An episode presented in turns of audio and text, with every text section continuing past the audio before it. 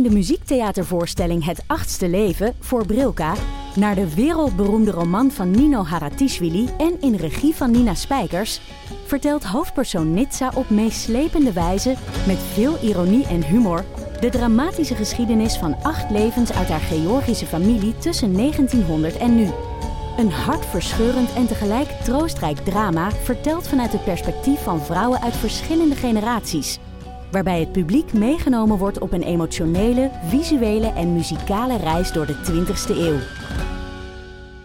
Koop je tickets voor het achtste leven via oostpol.nl.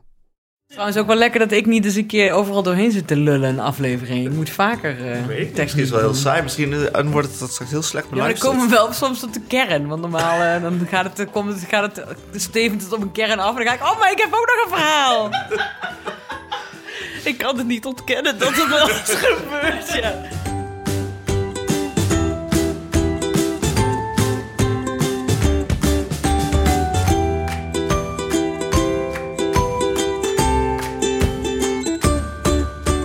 Hoi, ik ben Nienke de Jong, journalist en moeder van Janne van bijna drie jaar en Abe van één jaar oud. Met mijn vrienden Alex van der Hulst, vader van René van zeven en Jara van drie jaar, Hanneke Hendricks, moeder van Alma van 2,5 en producer Anne Jansens, vader van Julius van ook bijna drie jaar, maak ik Ik Ken Iemand Die. Een podcast over ouders, kinderen, opvoeden en al het moois en lelijks dat daarbij komt kijken.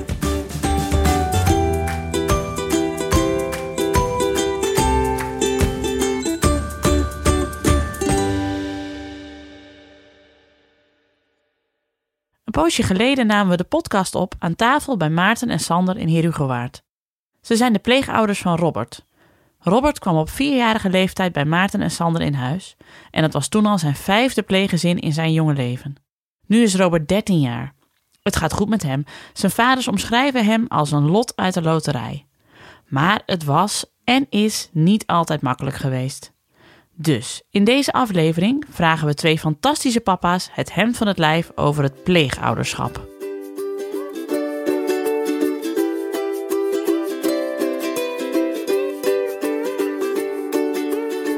Kleine side note. Robert heet niet echt Robert, maar in overleg met Pleegzorg Nederland is besloten om hem vanwege privacyredenen zo te noemen. Robert dus. Maar dat vergaten we nog wel eens tijdens de opnames. Maar goed, dat hoor je nog wel. Wie je niet hoort trouwens, dat is Anne. Die had een snipperdag opgenomen om zeer verantwoord te zorgen voor zijn hoogzwangere vrouw Mia. Ajax speelde. Dus Hanneke is even producer Anne vandaag. Gaan jullie maar eerst even praten, dan doe ik wel even dit. Dat je het even kunt horen. Oké, dat is goed. Ehm, we moeten eerst even melden dat eh, de techniek vandaag gedaan wordt. Onze producer van vandaag is Hanneke Hendricks. Want eh, Wie had dat ooit gedacht? ik, hoor, ik, hoor, mensen in hoor, ik hoor mensen in hoorspelland nu heel hard lachen. Maar goed, we gaan weer verder. ja, wie had dat gedacht? Van hoorspelhost naar Anne Janssens invaller. Ja. Eh, Anne is thuis. eh, het was overmacht. Ja, En Ajax. Ajax. Ja, het is natuurlijk een jongen die zijn zoon eh, Julius Slatan heeft genoemd. Dus we hadden wel iets kunnen verwachten. En toen, anderhalve week geleden, wij thuis even de agenda doornamen. Toen zei Tom ineens, hé, hey, maar nemen jullie op dinsdag Ik ken iemand die op? Ik zei, "Oh, ja. Ja, dan is ook de return, hè? Eh Juve Ajax. Weet, weet Anne dat wel? Ik, zo, ik denk dat Anne dat wel weet, maar ik weet niet of hij het helemaal door heeft. Had hij denk ik niet helemaal door. Maar goed, als, er echt, eh, als het echt uh, nood aan de man is, dan heb ik dit allemaal niet gezegd. En dan knip je dit er maar weer uit.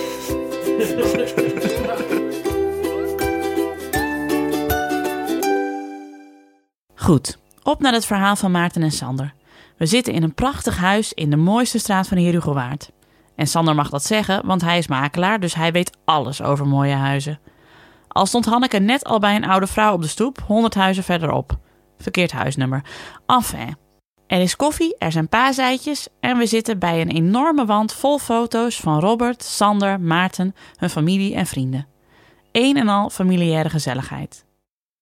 Maarten en Sander komen allebei uit Noord-Holland en hebben elkaar ooit in de kroeg ontmoet. Jaren geleden. Inmiddels zijn ze al 18 jaar samen en gelukkig getrouwd. 18 jaar.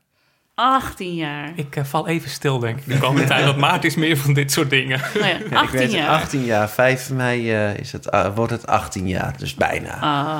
Ja. En eh, ik zie. eh, Ja, dingen- nee, ja, 31 8 2007. Dus eh, dat weet ik al. eh, dus eh, bijna 11. En na 11 en een half eh, zijn we net gepasseerd. Ja, als jij het zegt, geloof ik. Ja, Maar ja. was Ik jullie verkeringsdatum? Of, eh, Nee, dat is de trouwdatum. trouwdatum. We zijn al eh 11 en een half jaar getrouwd ook al. Jeetje. Ja, ik was er overal wel een beetje vroeg bij. Hè? Want hoe oud ben jij? Ik ben 34, bijna ja. 35. Dus Ik ben 40. Ja, wij schelen helemaal niet zoveel. Jij bent al 18 jaar. Oh, Wauw, ja, dat was je inderdaad er vroeg bij. ja, ja. ik, ik zit het ook altijd uit te rekenen. Als, als eh, Robert straks 18 is, dan ben ik 40. En dan heb ik nog best wel Ja. gewoon een hele Mm. periode Ja, te gaan. precies. Om het zo maar te Je zeggen. bent Dus gewoon een dat- super jonge Een vader. midlife crisis in. Ja. Ja, Ja, lekker op tijd bijna. Ja. Ja. Ja. ja, de Harley Davidson komt hij vrij vroeg voor de deur te staan. Stabiele relatie, beide mooie banen, huisje, boompje. Maar wilden ze eigenlijk wel een beestje? Laten we dit moderne sprookje maar eens op de enige juiste manier beginnen. Er waren eens twee mannen en die waren nog geen vader, maar wilden die wel graag vader worden. Nou, daar kan ik meteen volmondig nee op zeggen eigenlijk. Nee. Hoe raar dat misschien ook klinkt. ja, ik wel eigenlijk dan weer. Het is ook wel iets inderdaad wat echt bij Maarten vandaan Ja. komt. En Jij wist het altijd al. Ja, ik, eh, ik had altijd wel die wens op een of andere manier. En ja, ik zit, sta ook voor de klas, dus ik, sowieso met kinderen werken is al iets wat al bij mij erin zit. En toen had ik ook zoiets van, ja, dit is wel iets wat ik zou willen. Of het zou kunnen. Geen idee, maar ik wil het wel. Ja, en ik had meer zoiets, als ik zoiets dan al doe, dan wil ik het wel op, eh, ja, hoe raar het misschien ook klinkt, mijn manier. Ik had namelijk totaal geen voortplantingsdrang, om het zo maar te zeggen. Ik had nooit een ideaal beeld van, ik wil een mini-me op de wereld zetten om maar super trots te zijn op hoe hij op me lijkt of zo. Weet je? Het- het- ik vind het, het, het, het, het opvoedkundige leuker dan het, ja, hoe raar dit misschien ook klinkt, dan het voortplanten. Ja, dus wij... eh, Nou ja, en ja, weet je, we kunnen voortplanten, maar nee, nee dat kunnen we dus eigenlijk niet. Ja, daar heb je Dat- natuurlijk dat- allerlei dus het manieren leuke voor, is maar dan daar- ook niet leuk eigenlijk voor ons dan, om zo Nee, te zeggen. snap Die- ik. nee, Ja. Nee, we hebben wel natuurlijk heel veel manieren bekeken hoe we dat zouden kunnen invullen. Maar er zitten gewoon voor ons heel veel haken en ogen aan. En eh, Ja, want hoe hebben jullie die afweging gemaakt? Want dat zijn natuurlijk inderdaad sowieso voor ieder stel eigenlijk duizend manieren. Maar hoe, hoe, hoe, hoe, hoe ging ja, voor ons drie, dus ja, weet Ja, je, dat is snel... Ja, keuze is Oh ja, makkelijker, oh ja, hè? Je dus- bent, je bent sneller welke bij één dan Welke uit. drie manieren waren dat? En hoe ging dat gesprek? Dat ben, ik- vind ik dan... Nou, de eerste was, eh, je hebt draagmoederschap. Nou, er zitten heel veel regels in Nederland aan waar je aan moet voldoen. Ja, die zijn inmiddels wel wat soepeler, maar wij Ja, zijn dat- hier een jaar of tien geleden mee begonnen. En toen was het allemaal nog wat strenger dan dat het nu is. Ja, dus dan moest het of een familielid zijn of een hele goede vriendin die al minimaal één keer gebaard had. Nou ja, dat vond ik best wel een beetje eh, voor eh, een dingetje voor als je op eh, verjaardag kwam bij elkaar en dan, dan bij je eigen kind op verjaardag komt. En, dus, dus zo voelden wij het niet. Ja, dat het we is dat zoiets wilden. Nee, dus inderdaad, je, je schoonzus of die goede vriendin wordt gewoon de moeder van je kind. Ja. En dat leek ons best wel een hele bizarre eh, situatie. Klinkt misschien ideaal, maar ik denk dat je in de loop der tijd... en zeker bij het opgroeien van een kind, misschien in de puberteit... dat dat alleen maar voor ja, problemen zou kunnen zorgen. Ja. Eh, Ik heb en- dat wel bij andere stellen gezien, inderdaad. Dat je dan ook heel bewust gaat winkelen in je eigen vriendenkring. Van ja, die wel en die niet. Maar moeten we het dan vragen? En zo ja, Ja. hoe zou die dan reageren? Of zou het de vriendschap veranderen? Of dat, eh, Ja, en ja. wanneer vraag je dat? Hoe Ja. vraag je het? Van, goh, eh, kom je even een bakje koffie drinken, want ik wil je wat vragen. Ik Dit- heb, dit is- ik heb negen maanden je baarmoeder nodig. Heb je even de tijd? heb je nog genoeg verlof opgespaard bij je werk? Want... ja, precies. Maar, de- maar, maar- en die regels die zijn, zijn die ook zo streng voor, voor zaaddonoren dan? Volgens mij was dat niet zo, toch? Dat is eigenlijk Nee. raar. Nee, maar dat is dan, dan heb je weer eh, bijvoorbeeld een. Dan krijg je wel een soort co-ouderschap eruit, volgens mij. Als je daar dan weer in. Ja, ik noem dat altijd een soort kruisbestuiving. Ja. Van twee stellen die dan weer samen. En dan. Dat vond ik ook ingewikkeld. Oh. Maar dan dacht ik ook weer bij mezelf, ja, dan. Ja, dat is Dan- ook niet iets wat wij wilden. Nee, Nee, Dit- nee, dit- nee, maar ik dacht precies. even het verschil. Dat, dat Nee, Nee, maar dat is- het enige wat ik weet, die regels waren er eigenlijk voor om eh, commercieel baarmoederschap te voorkomen. Oh, oké, ja. Eh, Ja, ja. ja, en daarom was ook heel eh, duidelijk die regel toen minimaal al één keer gebaard moeten hebben. Ik vind het mooi dat je baarmoederschap zegt in plaats van draagmoederschap. Want het klinkt gewoon veel grappiger of zo. Ja.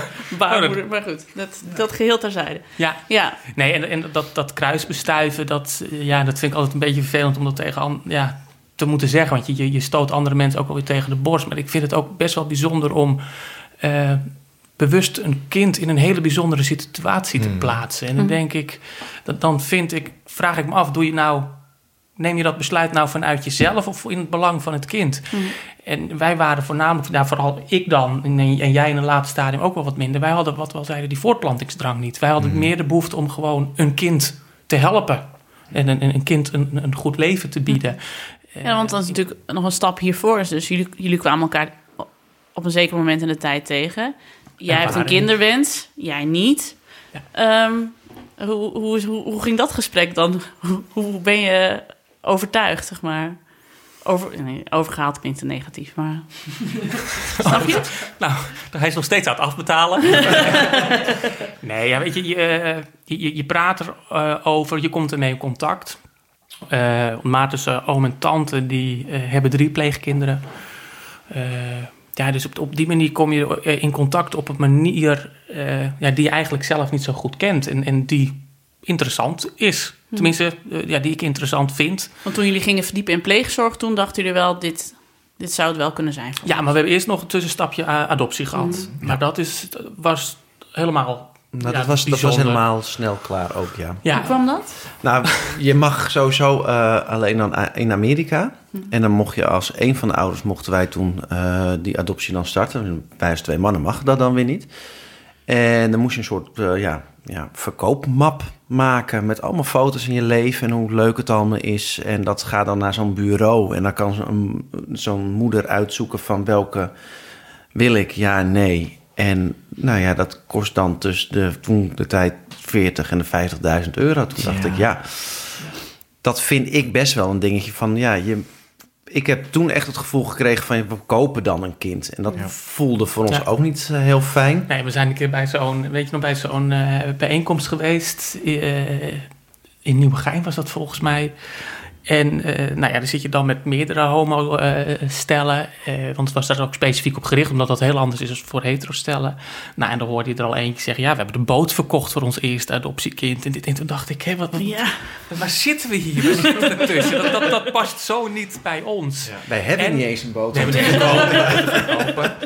Maar, en ook, eh, ja, wat ons ook een beetje tegen, tegen borst stuitte. Het, het was vrij nieuw, dus er was ook nog helemaal niks bekend eh, wat dit voor adoptiekinderen inhield. Die bijvoorbeeld in de puberteit raakten. Want het was allemaal nog, eh, ja, het waren allemaal nog hele jonge kinderen. Eh, het kon nog maar een paar jaar. En dit was zo'n beetje tien jaar geleden, zeiden jullie. Ja, Ja. zoiets denk ik. Ja. En toen zag je bij je oom en tante hm, pleegzorg. Wat, ehm, wat maakte dat jullie daar wel voor hebben gekozen? Het feit dat je in eh, Nederland eigenlijk zo ontzettend veel kinderen hebt.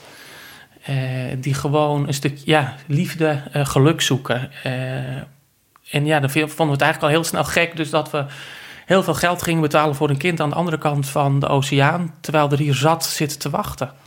En weet je, je haalt daar een kind uit zijn omgeving. En hier vonden we het juist mooi dat je een kind opvoedt in zijn eigen omgeving.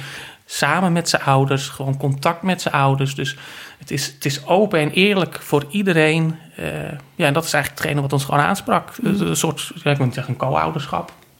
Maar dat is het niet. Nee, dat is het zeker niet. Nee, dat is het zeker niet. Eh, het, het is ook wel iets wat je misschien in het begin iets te veel geïdealiseerd hebt. Maar eh, nee, het gewoon het samen doen. Weet je, het feit gewoon dat hier kinderen zitten te wachten op een stukje liefde, een stukje geluk. En een stukje normale jeugd. Ja. Ja, en dat is ook hetgene waar we voor gingen. Ja, voor dat opvoeden dat, en daarmee bezig zijn. Dat vonden we ook heel belangrijk. En daardoor was dit ook wel een hele makkelijke keuze... dat we deze eh, toen uiteindelijk hebben gemaakt. Ja, en er schiet me nu ook eentje te binnen nog waarom we dit ook wel handig vonden.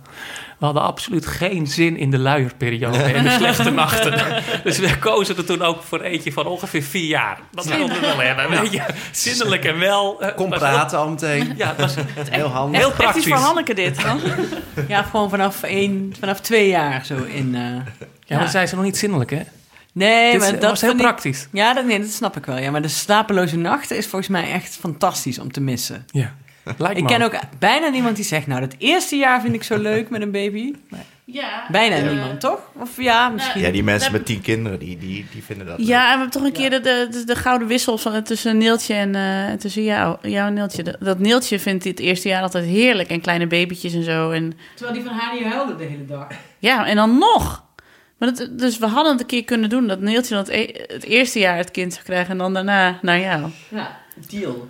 Die vond zwanger zijn ook leuk. Ja, dat... Ja, vind je ook wel leuk, hè? Ja, nee, oké. Nee, ik, Eh, maar jij gaat- zei van we hebben, we hebben het, eh, het pleegzorgschap misschien in het begin ook een beetje geïdealiseerd. Eh, wat voor beeld had je er dan van voordat je daar begon? Zo, je vraagt wel even om ja, te graven, zeg. Eh, wat voor beeld had je ervan? Het wordt geen makkelijke avond, mensen. Dat heb ik Nee, nooit ja, gezegd. Wat, wat, wat, wat, verwacht je van... Ja, eerlijk, en, en dat hebben we niet. Eh, en dat komt eigenlijk wel elk jaar een beetje terug rond zijn verjaardag. Eh tuurlijk denk je gewoon, joh, leuk. hij komt hier en op zijn verjaardag zit onze familie, onze vrienden er, zijn vrienden er... maar ook zijn ouders en zijn opa en oma er. Ja, dat is in de praktijk gewoon niet haalbaar. Hoe graag je dat ook zou willen. Eh, en ook al zou het vanuit de ouders wel willen... is het gewoon voor het pleegkind helemaal niet handig en verstandig om dat soort dingen te doen. En dat is dan omdat je dat als ideaalbeeld hebt, omdat je hem dat gunt. Dat je denkt, weet je, hij heeft dat niet. Maar ja, in de praktijk is het gewoon heel anders. Want zoals jullie en wij denken, tenminste, ik ken jullie nog niet, maar ik ga ervan uit dat jullie een redelijk gezond eh, eh, gedachtegang hebben over een gezinsleven. Dat hebben zij niet. Zij denken daar heel anders over, of eigenlijk helemaal niet over na. En dat is, dat is, daar heb ik wel, eh, ja, heb ik me in vergist. Het feit dat het, ja, dat het gewoon een heel ander type mens is dan dat wij dat zijn. Ja. Nou ja, dat ze er ook anders in staan. Dat is ook wel... eh, kijk, het zijn, het zijn natuurlijk... kinderen worden niet voor niets in pleegzorg gepla- geplaatst. Het zijn ouders die niet voor de kinderen kunnen zorgen... zoals we dat wensen in de maatschappij. En ja, dat merk je dus ook terug in die bezoeken met ouders. Dat je dat ook gewoon terugkomt. Van, ja, dat je ook soms ziet van ja, zie je, het lukt dus echt niet. Of het kan echt niet. En de insteek van pleegzorg, of in ieder geval in de eerste instantie, is altijd om de kinderen terug te plaatsen bij de ouders als dat mogelijk is. Maar dat is niet altijd mogelijk. In ons geval is dat dus ook niet mogelijk. En daar hebben, daar, daar hebben wij ook die bewuste keus voor gemaakt. Want je hebt verschillende soorten pleegzorg ook. Je kunt ook Ja. tijdelijk... Tijdelijk, weekendopvang, eh, Crisis. crisis. Crisisopvang heb je nog. En wij hebben dan perspectief biedend. En dat is dan meestal wel van dat je dus ervan uitgaat dat, de, dat het pleegkind ook bij je blijft wonen. Je moet natuurlijk ook wel stevig in je schoenen staan. hè. Het is ook niet... eh, het is inderdaad geen puppy die je in huis neemt van... ja, en over een week drop ik hem maar af. Maar je, je- de kans is natuurlijk ook...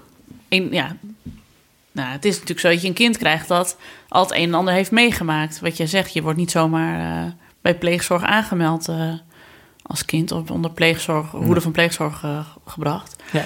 Waren jullie daar ten volle van bewust, zeg maar, dat het, dat het een kind zou worden met misschien krassen op zijn ziel? Ja, en het, het, het leuke is juist dat we dat niet hebben gekregen. Eh, maar ja, de, de, de drie pleegneefjes of nichtjes, tenminste de drie, pleegkinderen van Maarten, oom en tante. Ja, dat waren alle drie eigenlijk wel kinderen met een streep op hun ziel. Dus ja, we wisten donders goed waar we aan, eh, aan begonnen. Eh, ja, in de praktijk is het bij ons eh, heel anders gebleken. Eh, Ja. heeft dat absoluut niet. En bij ons zijn juist de, de moeilijke factoren eh, de biologische ouders. En hoeveel is hij bij jullie? Is hij fulltime bij jullie? Fulltime. Fulltime. Vanaf moment één ook. dat Hoe, hoe oud was hij toen? Eh, net vier, want hij wordt, morgen wordt hij eh, 13. 13. Ah, gefeliciteerd. Dank je. Dus eh, als jullie straks weg zijn, mogen wij nog even het huis gaan versieren. Slingers nog even Slingers en dat soort dingen. Nee, en hij, is, eh, hij was net vier dat hij hier kwam. En ja, eigenlijk nooit, ja, nooit meer weggaan. En het wa- het was toen ook al de bedoeling hoor, dat hij niet meer wegging. Nee. Toen was eigenlijk al, eh, omdat er zoveel wisselingen waren al van pleeggezinnen. En gezien de situatie met zijn ouders was toen eigenlijk al wat betreft pleegzorg eh, duidelijk dat hij hier zou blijven. Dat moest alleen juridisch nog even geregeld worden. Eh, want zijn ouders hadden nog de ouderlijke macht. En dat is uiteindelijk via rechtszaken overgegaan op eh, bureau jeugdzorg. En dat is nu ge- jeugd- en gezinshelpers. Het is veranderd ja. van naam. Ja.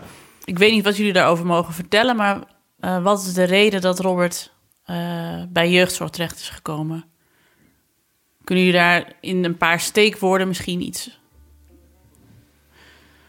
Ja, eh, dat is een eh, drugsgerelateerd verleden van beide ouders. Oké. Dat is meer dan, dan weten we meer dan Ja. genoeg. Ja.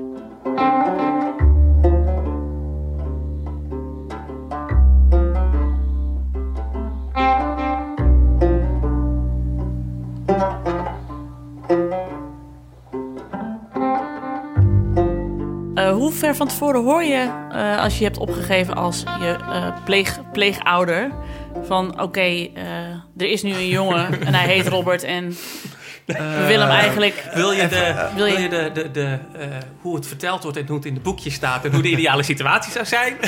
Allebei. Of wil je Allebei. een praktijkvoorbeeld? Hoe, Of hoe een gaat het? Hoe wordt het je in de hebben? cursus voorgeschoteld? Ja. In de, in de cursus wordt het je zo voorgeschoteld. Nou, van, dan- dan word je op een gegeven moment gebeld van we hebben een match. En dan ga je kijken, ja, kijken of dat dan ook echt een match eh, is. En dan heb je tijd om te wennen aan elkaar. En dan zouden ze een keertje Nee, je gaat, nog, je gaat zelfs één stap te snel al. Oh, oké. Want het is eigenlijk, ga je eerst kennis maken met de ouders. Nou, die stap is bij ons al overgeslagen. En dan inderdaad, eh, wat jij zegt, als dat dan klikt, dan ga je kennis maken met het pleeggezin. Eh, sorry, met het, het pleegkind.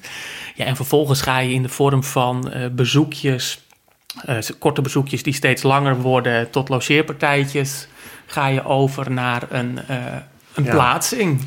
Ja, En dat bouw je langzamerhand op. ja in, en- in, in een traject van een paar maanden. Ja. Dat klinkt perfect. De waarheid was. Nou ja, wij hoorden het bij het groenteschap van de Aldi. of het was de Lidl, dat weet ik even niet zeker. Het was wel op 1 april, het was geen grap.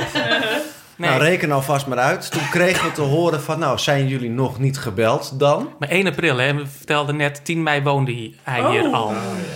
En we gingen En tussendoor dat samen kwam, op vakantie. Ja, inderdaad, dat kwam omdat we op vakantie gingen. Want hij moest, hij moest eigenlijk nog eerder deze Ja. kant eh, op. Ja, Ja. dus wij hebben in eh 40 dagen hebben wij eh, alles eh, nou ja, klaargemaakt, eh, Ja. om het zo maar te zeggen.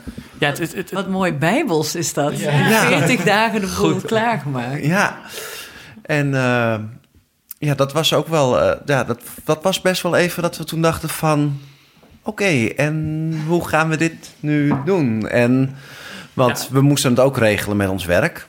Want je krijgt pleegzorgverlof, dus je gaat ook langer, eh, ben, je er, ben je er dan uit.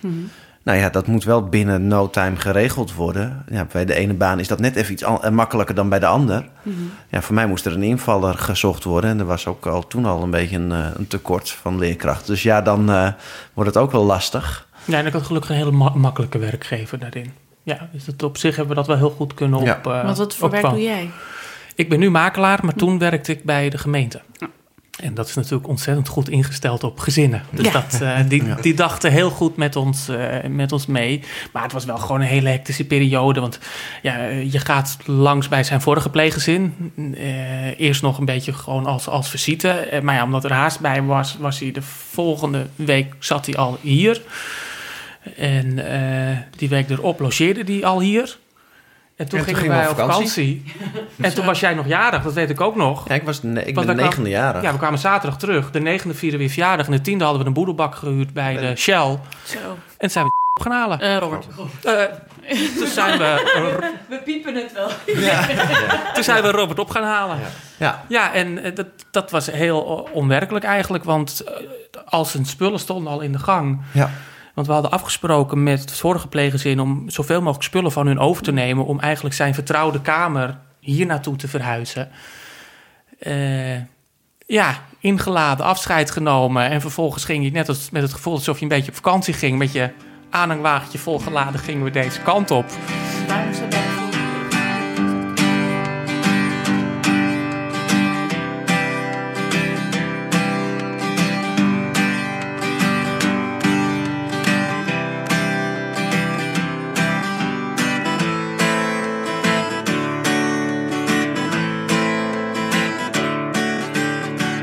Robert is dus inmiddels al negen jaar bij Maarten en Sander.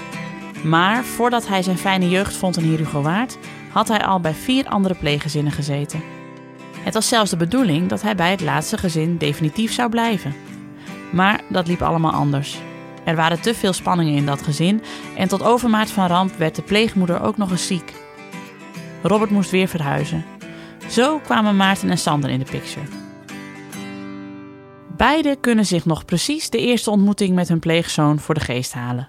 Hij zat op zijn trekker. En hij de, de, de, de, de steeg door, dat weet ik dan nog wel.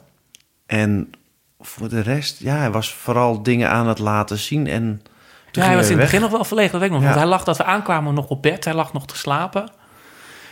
En ja, weet je, er was hem niet heel echt verteld wie wij, wie wij waren. Dus eh, er was voor hem ook geen beladenheid of iets dat hij eh, door had wat er ging gebeuren. Het was gewoon visite. En hij woonde daar toen volgens mij een maand of zeven, acht. Dus ja, weet je, hij had ook nog niet alle vrienden en familieleden van die mensen gezien. Dus wat dat betreft was er voor hem, denk ik, niet zo heel veel beladenheid Nee. aan. En voor jullie? Ja, bizar eigenlijk. Vooral, weet je, vooral achteraf als je bedenkt hoe het allemaal gegaan is en hoe snel. Ja. Maar vooraf, nou, je zit in een soort... eh, Ja, het is zit je, nieuw. Nee, nee, je zit in een soort, eh, ja, toch ook een rollercoaster, maar ook weer in, in, op zo'n roze wolk. Dan toch ook wel weer, want je hebt toch ook wel weer... Toch een beetje het, dat puppy eh wel. halen, hè? Ja, maar ook wel weer, dat was ook dat we toen wegreden met die boedelbak. Dan heb je ook weer zo'n eh, dubbel gevoel. Aan de ene kant alsof je zo'n begrafenisgevoel hebt, want het afscheid nemen voel je heel erg, maar ook toch weer heel blij zijn dat, eh, ja, dat we konden helpen en dat hij bij ons ook kwam wonen. Dus Robert. dat, is, Robert. ja, dat is echt zo lastig. Piep. Dat is echt lastig. Eh, maar dat vond ik ook heel dubbel. Want je gaat, je ziet het afscheid nemen en dat geeft natuurlijk ook een soort emotie mee. En dan ook nog voor jezelf. Dus het was echt heel. Wij zaten ook echt een beetje ver. Ja, Ja, af en toe een beetje naar elkaar te kijken van... Oh, ja. En nu? Ja. Maar dat, weet, dat kan ik me nog heel goed herinneren ook van thuis. We hadden alles uitgeladen. En hij zat hier. Het was heel leuk. De buurjongen kwam een taart brengen, want zijn vader is bakker. En die zaten een tijd te spelen dat wij aan het uitladen waren. En toen waren we klaar met uitladen. En het jongetje ging naar huis en zaten we met z'n drie. En dat, toen dacht ik echt van, oké, en nu? Dus jullie hadden, Hoe eigenlijk, verder? jullie hadden eigenlijk een beetje het equivalent van wat mensen soms hebben... dat ze bij de dokter komen met buikpijn en die zegt... nou, over vier weken Ja. krijgt u een kind. Dat hadden jullie eigenlijk op de, de pleegzorgvariant. Ja. Ja. Je verwacht dat je een periode hebt om eraan te Nou, ze, zouden, ze oh, zeiden ook, omdat wij twee mannen eh, nog steeds zijn, eh, dat, het, eh, dat het ook wat langer zou gaan duren. Ja. Dus daar stel je ook op in. We hadden ook voor de zomervakantie, we dachten, nou weet je, nu nog een zomervakantie met z'n tweeën, Ja. rondreis Scandinavië. Rondreis het Scandinavië met een camper. Ja, Weet je- nooit van gekomen. We zaten op een staakerven in Assen. Maar dat is, eh, En we hebben inmiddels een vouwwagen gekocht. En, gaan, en we gaan al voor de zesde ja, keer naar het- Frankrijk. Hij, hij kent ja, het ja. vouwwagenverhaal ook niet. Oh, echt? De vouwwagen is nogal een groot ding in mijn wereld. Dus ik ben heel blij dat we het hier En in de podcast. In de Ja, podcast in de- ja, heel De erg. klapkar. Ja. Dus. Oh, maar ja, oh, maar dan is het dus... ehm, hoe komt het dat het voor eh, twee mannen dan langer duurt... Als pleeggezin, om, om als pleeggezin uit, uitverkoren te worden dan eh, als heterostel? Het, eh, omdat eh, een, een match met een pleegkind twee kanten op werkt. Het is niet alleen dat wij een, een eh, dossier krijgen te zien over een pleegkind. Maar normaal gesproken, in de meest ideale situatie, krijgen de biologische ouders het dossier van de pleegouders te zien. En die hebben daar een stem in. Alleen omdat. eh, Robert. Sorry, Robert. Je klinkt wel als een lekkere strenge juf, moet ik zeggen hoor. Zo. Ja, maar dit wordt lachen, want het wordt gewoon in de podcast de hele tijd piep. Robert. Of we doen gewoon dat jij heel streng zegt... Robert, Robert. Overheen. Knip verder uit hoor, je dat stemmetje. Maar ja, zij hebben dus normaal da- daar inspraak in. Ja, en eh 9 van de 10 keer is het toch als hetero-ouders... dat je je kind ook het liefst bij hetero-pleegouders eh, plaatst. Maar de ouders van Robert hadden niet meer die st- stem of... Nee, die hadden die stem niet meer... eh, omdat er op dat moment... eh, ook vanuit eh, de ouders eh, het bezoek wat minder was. Of eigenlijk eh, op, op een nulpunt even stond. Mm. Eh, ja, en dan gaat het belang van het kind voor. En dan wordt er bes- ja, besloten door eh, pleegzorg of door de voogd. Waar, eh, waar Wat, wat, zijn, gaat. wat zijn dan andere situaties? Is het dan dat kinderen uit huis worden gezet en dat, dat, dat ik dacht altijd, dan is er helemaal geen overleg meer. Maar er is blijkbaar dus nog steeds met de ouders veel overleg over wat er gebeurt met de kinderen. Ja, zoveel mogelijk. Want het is, en, zeker in het begin, is en blijft het doel... niet alleen van, van pleegzorg, maar ook van de pleegouders... om eh, Ja. het kind uiteindelijk weer terug eh, te laten gaan naar, naar zijn eigen ouders. Mhm. Dus zeker in het begin is daar heel veel overleg over. En ja, eigenlijk is het in de meeste situaties zoals het in het boekje staat. Hm. Eh, want ja, Robert. eh, Ja, Robert. en Robert zijn voorgrond is best wel bijzonder. Het is, Hij is wat dat betreft absoluut geen eh, voorbeeld voor het stereotype pleegkind. Eh, hij heeft, want wij zijn het vijfde pleeggezin waar hij zit. En, eh, ja, dat is niet normaal. Maar ja, meestal wat jij al zei, hebben pleegkinderen een rugzakje. Nou, dat heeft hij weer niet. Dus weet je, zo wisselen we de negatieve en de positieve punten een beetje tegen elkaar eh, af. Maar eh, ja, overleg is er veel. Alleen naarmate eh, je verder in het traject zit, merken wij wel, wordt het wel minder. Ja. Want op een gegeven moment wordt de biologische ouder steeds meer een ouder op afstand. Eh, en vandaar ook dat, wat ik al eerder zei, dat hele ideaalbeeld wat wij hadden van gezellig de hele bubs op verjaardag ook bij je. Ja, dat, dat, dat Nee. past helemaal niet in dit pleegzorgplaatje. En toen was het even tijd voor onze koffiebreak CQ Plaspauze. En dat betekent tevens tijd voor onze nieuwe hoofdsponsor Auto.nl.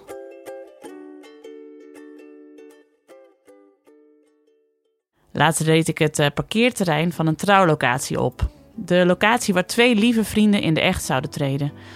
Mijn vriendengroep stond buiten al samen te klitten. En één vriendin riep toen ik het portier van mijn stationwagon dichtsloeg...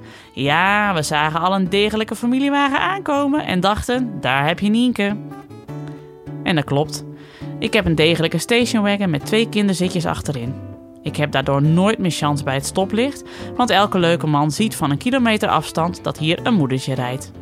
Een iets wat vermoeide vrouw die tijdens het rijden stiekem dropjes snijdt en met in haar tas een doos soepstengels en een pak snoetenpoetsers. Een vrouw die bij een spannend leven niet denkt aan spontaan naar Parijs rijden, maar aan een middag op pad met de kinderen, maar zonder schone luiers in de tas. Dat is mijn leven tegenwoordig en dat is mijn auto en dat is helemaal oké. Maar mocht ik ooit nog een snel boodschappenwagentje erbij willen, dan kijk ik op auto.nl, waar je online een auto kunt kopen, net zoals je eigenlijk een maandbox luiers in huis haalt. Alleen kun je de auto nog ruilen na 14 dagen testen. Dat zou ik met luiers niet proberen. Auto.nl voor familiewagens, scheurbakkies, vakantiebolides en wat je je verder maar op vier wielen kunt wensen. Oké, terug naar de keukentafel in Heer Hugo Waard. En terug naar de eerste weken van Robert bij Maarten en Sander. Waarin het niet altijd even makkelijk was. We hebben het over een stom voordeel bij een groot nadeel en een foute beslissing. In het begin was het, wel, was het wel lastig voor hem ook. Omdat hij het ook, ja, vier jaar, maar toch wel begreep, maar ook weer niet helemaal. Soms had hij ook wel eens even een moment dat hij echt wel zoiets had van... eh, eh, nou, ik mis, eh, ik mis ma- mama. En dan had hij het over de vorige pleegmoeder dan. En uiteindelijk... Nou ja, dat heeft een paar weken geduurd. En toen... En niet dat het elke nacht was of zo, of elke avond, maar wel eens een momentje. Maar dat, was een, ja, dat is dan weer een heel stom voordeel van een heel groot nadeel. Daar waren we ook op voorbereid dat, eh, omdat Robert nog heel veel gezinswisselingen had, Mhm. het voor hem eigenlijk heel normaal was dat hij Mhm. dus om het jaar bij andere mensen zou wonen. En Ja. natuurlijk was er wel emotie, maar er was vanuit hem op een gegeven moment ook heel snel begrip. Het is gewoon zo, punt. Mhm. Maar in het begin inderdaad, wat, wat, wat Maarten al zei, wel ja, gemis vooral van zijn vorige pleegmoeder. En dat hij daar graag naar eh, toe terug wilde. En ook, ik weet ook nog wel, ze heeft ook nog wel een keertje gevraagd van hoe lang moet ik hier nog logeren? Mhm. Ja, Ja, wat zeg je dan? ja dan leg je het gewoon uit, de, de, de situatie wel op, op, op zijn kind. Eh, want hij wist natuurlijk donders goed dat hij niet bij zijn ouders eh, woonde. En dan leg je gewoon uit dat ja, dit zijn nieuwe thuis is en dat dat dat ook niet meer gaat veranderen. Dat hij bij ons groot gaat, eh, gaat worden. Eh schiet me wel meteen te binnen dat we één keer nog een fout in het begin hebben gemaakt. Want toen werd hij wel heel, heel emotioneel, terwijl wij al dachten dat de hele situatie voorbij was. Toen waren we een keer bij vrienden. Weet je dat nog, Maarten? Oh ja. We waren een keer Ja. bij vrienden, gewoon gezellig op de borrel. En eh nee, je wilt niet te snel oppas regelen in een nieuwe situatie. Maar ja, je wilde op een gegeven moment ook je privéleven niet te lang eh, eh, ja, eh, op een laag pitje zetten. En onze ouders zeiden, joh, doe niet zo moeilijk. We namen jullie vroeger ook gewoon mee. En dan ga je daar naar bed en hup, we nemen je weer mee als we naar huis gaan. Dus dat, dacht, wat, dat doen wij ook. Alleen toen Robert daar naar bed moest, nou, dat ging nog wel, totdat hij echt boven in bed lag. En toen raakte hij toch best wel een beetje in paniek. Oh ja. Want hij was bang Ja. Dat hij weer moest wisselen van gezin. En toen hebben we dat, ja, toen hebben we toch wel weer even aan de handrem getrokken. Omdat we toen door hadden dat er toch meer in zat dan dat er eigenlijk uitkwam bij hem. Ja. Ja. Maar al met al is dat wel redelijk snel voorbij gegaan. Wat zie je, heb je toen ook gezien dat hij eh, misschien juist doordat hij zich op een gegeven moment echt thuis voelde of het meer vertrouwen had, dat hij daardoor veranderde? Dat je een ander kind zag dan in die eerste weken? En dat je daardoor misschien denkt van hé, er is nu iets veranderd bij hem? Zo, Nou de eerste in- weken. Het is al negen jaar terug, die eerste Ja. weken. Nou, hij was wel in het begin heel makkelijk ook met het maken van contact. Eh er stond je bij het stoplicht en er stond er een, eh, ja, een, iemand met grijs haar naast, eh, naast hem. En dat was, dat was oma en dan ging je handjes geven. En dus heel open en vrij. En op een gegeven moment merk je wel dat hij, na- naarmate hij langer bij ons was, toch wel meer afstand ging nemen. Dus ook wel weer, ja, toch wel eigen voelt. Ja, afstand naar anderen. Nou, afstand ja. naar anderen dan. Ja. En dat merkte hij op een gegeven moment wel. En dat was ook bijvoorbeeld een van de eerste keren dat hij... Want hij heeft wel, daarna wel eens vaker bij iemand anders ook nog boven gelegen... terwijl wij eh, beneden zaten, om het zo te zeggen. Ja, en dat ging dan wel goed. Maar in het begin zijn we toch wel misschien iets te snel daarin... Iets te snel. iets te geweest. snel toen geweest. Ja, nou ja, dat, dat komt ook een beetje door, eh, en dat, dat zie je wel vaker bij pleegkinderen, het, het, het gewenste gedrag vertonen. Hè? Dus maar gewoon eh, ja, alles goed vinden en overal maar ja op zeggen. En ja, als je daar niet doorheen prikt, dan, dan trap je er een beetje in. Eh, maar in dit soort situaties eh, ja, word je weer even met de neus op de feiten gedrukt. Maar dat heeft hij wel een, dat heeft hij wel een tijd gehad hoor, het, het sociaal wenselijke gedrag vertonen. Ja, ja dus dan zou een moment dat hij dat niet doet ehm, ook een teken zijn van hé, hey, hij durft zich nu... Ja. eh, de eerste keer dat hij boos werd. Ja. Ja, de eerste keer dat hij met de deur, deur dicht sloeg. Weet je nog, Wanneer was dat? Nou, dat, ik weet niet meer, maar ik weet wel dat we hebben staan juichen hier onder aan de trap. dat weet ik nog heel goed. Ja, want, ja we, we, toen, maar we, toen pushten we hem ook wel, of zij pushten we, we stimuleerden hem ook wel eens. Van, joh, als je het niet mee eens bent, mag je het best zeggen. Maar dat kwam er gewoon niet uit. Nee. Ja, en toen dat moment er was, dat was fantastisch. Ja. Oh, echt. Ik heb echt... Aan de ene kant, ik heb echt gewoon gelachen en met tranen over mijn wangen toen op een gegeven moment. Ja, hij, ook wel, hij snapte het alleen Hij niet helemaal. Onze reactie, maar ja. maar ja, wij waren heel blij. Eindelijk een keer werd hij boos. En ja, dat is dan toch wel, wel, wel heel leuk. Kijk, nu, nu begint hij te puberen, dus nu is, nu is niks leuk natuurlijk. En, eh, Dus er wordt wel iets vaker boos nu. Sta je onderaan de trap? Ik lach niet meer hoor. Ik lach niet meer op. Dat was vroeger, toen was je nog schattig. nou, we hebben hem ook moeten stimuleren met vriendjes daarin. Ja. Ja, daar toch wat minder in te accepteren. Eh, want, ja, hij praatte het al heel snel goed. Eh, dan was het weer, ja, maar eh, die, dat vriendje doet dat, want die heeft eh woedeuitbarstingen. Of ja, dat vriendje doet dat, want die heeft dit. En eh, weet je, hoe vaker niet tegen hem werd gezegd... ook als je dit niet meer doet, dan ben je mijn vriendje niet. En eh, weet je, dat, dat, dat accepteerde die allemaal maar. Ja. En daar hebben we op een gegeven moment wel heel duidelijke afspraken met hem over gemaakt. En hem, ja, soms ook hoe slecht misschien ingestimuleerd. Weet je, Eh, als er iets niet zint, je zegt nee of je zegt stop. Doen ze nog een keer, dan ga je naar de juf. En gaan ze door, ja, accepteer het niet meer, geef maar een zet. Ja. Nou, dat resulteerde erin dat hij iemand zijn bril van zijn neus had afgeslagen. En de reactie die je dan krijgt, was die bril kapot? Nee, jammer. ja. Maar ja, dat zijn wel voor dat soort kinderen momenten dat ze eindelijk voor zichzelf op durven te komen, ongeacht de consequentie. Hè? Want ze zijn ja, snel natuurlijk bang dat als ze iets doen, dat ze afgewezen worden. En dat is natuurlijk de angst die ze uit het verleden hebben overgehouden. Dus dat, dat zijn wel hele mooie stappen om mee te maken hoe slecht sommige ouders het misschien ook zullen vinden. Van eh, je kind stimuleren om iemand te slaan. Ja, dat, dat doe je met een andere reden of een onderliggende reden. Ja,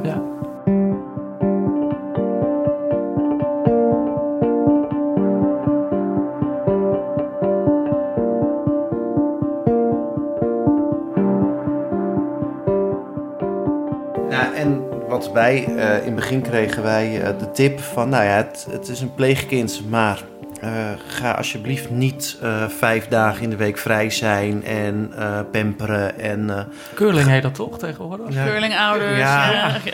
Maar ga gewoon naar school eh, of ga werken en de opvang zoveel dagen. Weet je, het, doe gewoon wat je met, een gewoon, met, met je eigen kind ook zou gaan doen als je gaat werken.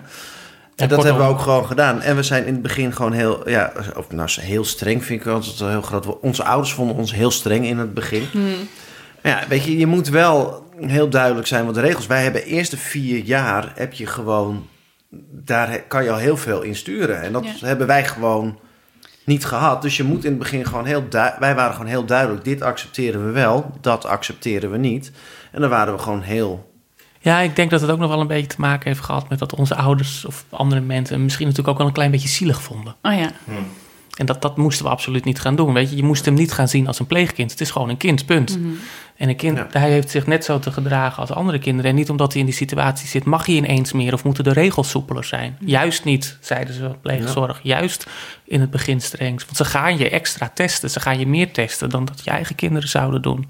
En hoe werden jullie getest? Hoe werd Nou, je wordt altijd wel getest door de opmerking: je bent mijn vader niet. Oh ja. Die hebben we niet heel vaak gehoord, maar die krijg je natuurlijk wel eh, voor je kiezen. Of eh, ik weet nog heel goed ook dat hij een keer heeft gezegd eh, dat hij hier weer naar de gang moest. Ja, bij mijn moeder hoefde ik nooit naar de gang. Toch altijd een beetje dat vergelijk maken. En ja, je ook nog even wijzen op welke plek je zelf staat. Ja, en dat eh, ook toch een beetje. Het je merkt ook wel dat tegen elkaar uitspelen. Van, eh, dat van bij, eh, bij Sander mag het dan weer wel. Of eh, dat, je, dat hij het net bij mij heeft gevraagd. En dat hij dan bij, bij Sander voor elkaar krijgt. Of andersom, weet je wel. en dat je dan toch. Maar dan aan de ene kant dan heb je ook het gevoel van. Ja, oké, je voelt je nu wel zo veilig dat je het durft te doen. Maar je gaat ook de grens opzoeken van wat je weet. Wat de consequentie eigenlijk is als je. En het klinkt als gewoon gedrag van Ja. een kind van die Doen leeftijd. ze bij mij Ja. thuis ook Ja, hoor. Ja, Dus- Ja, en weet je, en dat, dat heeft hij eigenlijk- ook altijd gehad. Want wij noemen hem altijd ja, het lo- lot uit de loterij. Want wij hebben gewoon echt een heerlijk kind waar we geen, Weet je, geen is- andere issues mee hebben dan met... Het is natuurlijk eigenlijk wat dat betreft ook gewoon te vergelijken met je eigen kind. Eh, Want het is ook gewoon een kind en hij doet het met dezelfde beweegreden. Het komt misschien alleen eh, ja, wat anders uit, met andere bewoordingen. En misschien soms wat ongelukkiger, omdat ze wat meer opgekropte energie, eh, energie, eh, emotie hebben. Eh, maar verder ja, is het gewoon heel erg, denk ik, te vergelijken met eh, een eigen kind. Was dat ook voor jullie in de eerste weken zo? Dat je, wat je als ouders hebt dan in die eerste weken, dat je nerveus bent, dat je s'nachts ligt op te letten, dat je afvraagt of alles goed gaat, of je het goed doet, of je... Oh ja hoor, ik denk dat, eh, dat, dat zullen heel veel eh, echte ouders ook hebben. Dat, ik ben er regelmatig gaan checken of je nog ademde. Oh ja. Ja, tuurlijk. Dat, dat is toch best wel iets, iets, iets spannends. En ik, ja, ik weet, we hebben ons ook best wel onbeholpen gevoeld. Want je moet natuurlijk ook... Kijk, je eigen kind pak je meteen op. En hier moet je... Oké, nou, sommigen dan. niet iedereen, zie ik. Nee, maar ja, je, weet je, je moet toch even... Het is namelijk niet je eigen kind. Nee. Dus als je ook onder de douche gaat... Ja, eh, jullie halen misschien gewoon meteen een lap door die billen heen. Ja. Eh, wij hadden toch echt zoiets van... Oh, hoe gaan we dit doen? Want Ja. ja, hoe snel wordt er niet gepraat over dingen die je doet? Ja. Dus het was best vooral die eerste week heel erg aftasten. En wanneer voelden jullie voor het eerst echt vader? Meteen of? Ja, eigenlijk wel. Ja, het, het groeit natuurlijk ook. Ik kan, kan wel zeggen, het moment dat ik hem voor het eerst, eh, voor het eerst dat ik hem kwijt was, dat was Ja. ook wel een moment dat, dat je dan echt, dan ben je in één minuut ben je drie jaar ouder. Dus dan had ik ook het idee van, nu ben ik echt vader, want zo voelde het een beetje. De stress, gaf je bevestiging. En hij, hij zat gewoon was. in de supermarkt achter bij het snoepschap of wat? Nee, nee, nee, hij was gewoon echt net het hoekje om Hmm. en zo. En dat is, dat is ook wel echt van die momenten dat je denkt... tuk, tuk, tuk, tuk. Ja. Maar eh, nee, eigenlijk vanaf het moment heb ik me wel, ja, wel vader gevoeld. Het, natuurlijk, het groeit. Maar het was, ik liep wel eh, ook van, eh, ook met de vraag hoe gaan we dit doen? Maar ook in mijn hoofd, dit gaan we doen. Hmm. Dus het was een beetje dat dubbele. En dat was wel heel gaaf, ook wel weer. Ja, maar dan kan je wel heel goed merken dat jij wat meer de, ook die wens had. Want ik had dat echt niet meteen hoor. Ik had Nee. niet meteen dat vadergevoel. nee, dat, dat is uiteindelijk wel gekomen. Maar ja, jij, jij hebt daar sowieso wat meer mee. Misschien ook met, met, met, met je, je, door je beroep. Eh, ja, bij mij is het gewoon, ja, het groeit. Eh, En er is niet een dag dat je zegt van nu is dat eh, gevoel er. Maar zeg je gelijk vanaf het begin, ik ben zijn vader? Of zeg je eerst, ik ben zijn pleegvader? Of, eh, Eh, nee, wij zijn naar buiten toe wel heel snel eh, gewoon gaan zeggen... we zijn zijn vaders. Maar dat is ook meer om gewoon de privacy van Robert te ja. verdedigen. Ja. Want Mm. niemand hoeft te weten dat hij in het pleeggezin zit. Nee. Je, dat, eh, dat gaat niemand wat aan verder. Maar ja, het is natuurlijk wel heel duidelijk... dat een van ons twee sowieso niet de vader had kunnen zijn. En we hebben ook nog eens de luxe dat eh, Robert een, een kleurtje heeft. Dus eigenlijk was al heel snel de conclusie... dat geen van twee eh, natuurlijk de vader kan zijn. Dus ja, je krijgt al heel snel, eh, Ja. heel snel vragen. Heel, ik schiet meteen met de binnen van... hoe heet zij ook alweer? Oh ja, dat was... eh, nee, nee, dat, dat is... eh, Nee, ze woont inmiddels niet meer in Nederland. Ze hoor. woont is niet meer in geen- Nederland, dus- ze kan het toch niet horen. Dus, Nee, eh, nou, volgens mij gaat het internet de hele wereld over. nou ja, dat zou wel eens zijn. Pas op. Nee, dat was, dit, was, eh, dit was dan een... eh, ja, ja, Nou, het is zo'n moeder, weet je wel, die hebben we allemaal wel op, op het schoolplein. Dat zo'n zo, zo, zo'n roddeltante. Als je aankomt, zij staat 100 meter verderop en je hoort er al. En op het moment dat wat... Luistermoeder, eh, schoolplein. Ja, ja. Ja. Ja, maar Maar zij heeft dan ook, zij- je hoort er al schreeuwen vanaf een afstand, maar zij, zij hoort ook alles wat er dus op dat schoolplein gebeurt. Ja. Ik noem dat altijd de stoeptelegraaf. Dat is, eh, vreselijk. dat is, eh, dat is, En ineens moest haar dochter bij ons spelen. ja, ja. Ga jij maar eens bij hen spelen? Ja, nou ja, letterlijk kwamen Ja. we dus achter. Ja. Want echt, we hadden echt zoiets... Waarom? Ik, ik heb geen idee hoe je dochter heet. Ze spelen nooit met Die elkaar. dochter komt met een walkie-talkie naar zak. Nee, nee, Dat- dat, nee. er zat dat wel een raar vierkant kastje voor op de borst. Ja, we vonden dat zo gek onder dat shirt. Nee, maar het, het was wel grappig. Het ging Camera op de hoofd. Maar het ging heel leuk met die kinderen. En eh, ook helemaal niks gevraagd. Dus het viel ons allemaal mee. Totdat ze opgehaald werd. Oh ja. En toen kwam de vraag van moeder, ging het? Ik heb je natuurlijk altijd, hè, of het goed is gegaan. Ja, het is goed gegaan. Heeft ze nog rare vragen gesteld? En toen viel het kwartje bij me. Ik denk, Oh. kijk, je wilde zelf even in ons huis ook komen. En Nee. toen kwamen de vragen. Oh ja. Ja, en toen ging moeder ze even los met alle vragen. En wat, ja, wat, wat voor vragen krijg je dan?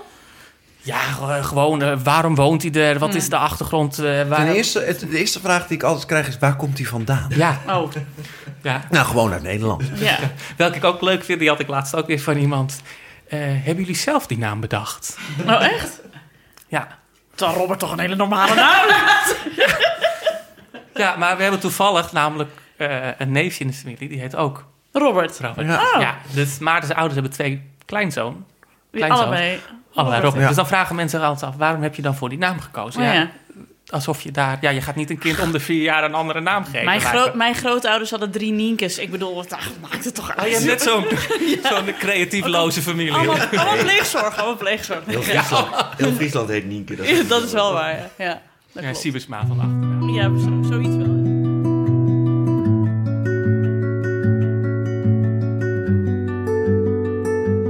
Even later zou Maarten vertellen dat de meest gestelde vraag luidt hoe het met Robert zijn biologische ouders zit. Nou, toen Robert kwam wonen in Herugewaard was er sprake van een geheime plaatsing. Een van de ouders accepteerde de situatie namelijk niet. En dat zou tot onrust kunnen leiden. Hoe is nu het contact met de biologische ouders? Nou, om er een positieve draai aan te geven, moeten we niet van toen naar nu gaan. Nee. Want dan gaan we van geen contact naar geen contact. Maar er intussenin is namelijk een periode geweest dat er gewoon eh, met vader goed contact was. En met moeder is er nu ook gewoon goed contact. Dat gaat wel met zijn ups en downs, maar dat is eigenlijk gewoon. eh, ja, eigenlijk altijd wel goed. Soms met tussenpauze. En vader is nu, ja, is nu al een, denk ik een jaar geen contact Ja, mee. ja, Ik de tel half een beetje kwijt. Ja. Ja. En dat hebben we wel vaker hoor, een tussenpauze. Dan gaat weer een jaar goed en dan is het weer een jaar niet goed. Ja, en dat heeft gewoon een beetje met de, ja, hoe moet je zeggen, de achtergrond te maken en het feit waar iemand zijn prioriteiten legt. Ja. En, en, en is Robert daar een beetje aan gewend? Ja, Ja, het wordt een beetje maar weg. hij is, Ja. hij is er gewoon aangewend. Ja, Jullie zijn de stabiele factor en zijn biologische ouders, dat is... hij, weet je, hij, verwacht, hij verwacht het al bijna. Oh ja. En dat is ook wel eens, wel, dat, vind ik dan, dat vind ik dan eigenlijk nog het...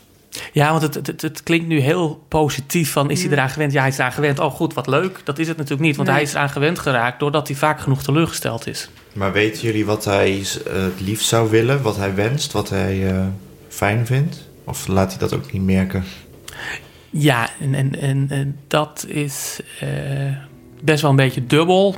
Eh, want hij heeft, nou, ik denk dat het twee jaar terug is of zo, misschien een jaar terug, ik ben echt heel slecht in tijd. eh, heeft hij ook aangegeven dat hij eigenlijk wel heel blij is dat hij bij ons woont. Eh, niet alleen vanwege de stabiliteit, maar hij heeft ook gewoon aangegeven dat hij een leuk leven heeft, leuke vrienden om zich heen, leuke familie. Want hij ziet onze familie inmiddels echt gewoon ook als zijn familie. Dus ja, ik, ik, ik denk dat die vraag voor hem ook heel moeilijk te beantwoorden is. Als je het hem nu zou vragen. Eh, tuurlijk zal er... eh, er is altijd loyaliteit namelijk naar zijn ouders. Dus hij zal altijd ook zeggen dat hij daar heel graag wil wonen. Maar hij is zich echt wel heel erg bewust van wat beter voor hem is. Want we zijn ook bij, hij is ook bij zijn beide ouders thuis geweest. Dus hij heeft ook wel echt de vergelijking. Eh, dus ja, hij zal wel in eerste instantie zeggen mijn ouders. Maar dat is de loyaliteit. Maar ik denk dat als hij er even over nadenkt, dat het toch een ander antwoord wordt. Ja, dat hij dan toch hier blijft.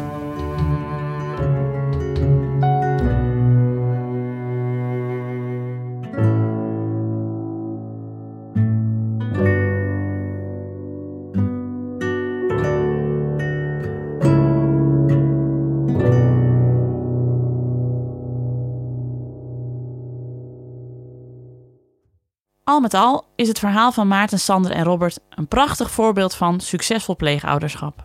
Hebben ze ooit nagedacht over een pleegbroertje of zusje voor Robert? En mijn scho- schoonmoeder zegt altijd... Ik heb zo'n wijze moeder. Ja. Luister, luister goed, Ja. komt een hele je moet de zegeningen tellen die je hebt. Ja. Weet je, het, ging, het, het gaat gewoon goed. En toen dachten we van ja, weet je, we weten niet hoe het zou lopen als we het zouden doen. Ja. Het is toch eh, dan weer een... Nee, en, en wat je zegt, dat vooral dat met het bezoek is wel belangrijk. Eh, is ook een belangrijke overweging geweest. Want we, we hebben echt wel op die twijfelstoel gezeten. Maar Robert. de ouders zijn niet bij elkaar. Nou, als je dan weer een pleegkind hebt waar ook de ouders niet van bij elkaar zijn, dan heb je ook vier bezoekregelingen. Ja. Eh, we hebben Robert's eh, opa heeft inmiddels ook weer contact met of Robert's opa en oma. Maar dat gaat ook weer apart van zijn Ja. Ja. ouders. Ja, en ik denk als je ook van het andere pleegkind ook weer met de opa en oma gaat. Ja, dan klinkt het daar. We hebben nu het geluk dat Robert. één biologisch opa en oma paar hebben. Maar weet je, op een gegeven moment wordt het te groot. Ja. En inderdaad, als je dan nog een rugzakje hebt, je moet nog in therapie met zo'n kind. En die ouders moeten misschien ook nog weer met het kind. in therapie. Ja. Ja, weet je, het wordt op een gegeven moment een fulltime baan dan. En voor Robert is het natuurlijk ook, kijk, bij, als je twee kinderen van jezelf, een broertje en een zusje, die hebben. De, de, de basis is hetzelfde. Je hebt geen eh, loyaliteitsissues of zo. Je weet gewoon, dit zijn ons beider ouders. En dan vecht je wel eens om de aandacht. Maar je weet, in basis krijgen wij evenveel aandacht. Want we zijn evenveel de, van. Nou, De bloedband. Ja, eh, Ja. ja, en bij jullie zou het dan ook nog kunnen zijn dat Robert dan denkt: ja, er komt een nieuw kind bij. Eh, wat is nu mijn rol Ja. in dit gezin? Of wat is mijn plek of zo? Ja. En wat je ook merkt is, eh, dat heb ik me later ook gewoon gerealiseerd. Hij heeft natuurlijk ook voor zijn eigen plekje moeten, ja, voor zijn gevoel dan moeten vechten om hier in het gezin zijn eigen draai te kunnen vinden voor zichzelf. Dan kijk, hij, voor ons had hij nooit hoeven vechten, maar hij is natuurlijk zelf wel bezig om zich veilig te voelen, een eh, eigen plek, vrienden. En dat, dan komt er inderdaad iemand bij en dan is het op een gegeven moment, jee, hele, de hele hiërarchie verandert Ja. dan ook. En dat is wel het stukje wat, eh, wat voor mij ook wel heel belangrijk was, dat ik dacht van nee, dat moeten we ook niet verstoren. Nee. Wat is, wat is Robert eigenlijk voor jongen? Hoe zou je hem omschrijven? Een voorbeeld voor velen, Ah. denk ik. Ja, nee, zo... zo eh, kijk, want we, we, we hebben jullie natuurlijk niet alles verteld, maar zijn, zijn leven is echt heel rot gestart. Eh, hij heeft eh, ja, de- in vier jaar tijd dingen meegemaakt die nou, ik in, misschien als ik honderd word in die honderd jaar niet wens mee te maken.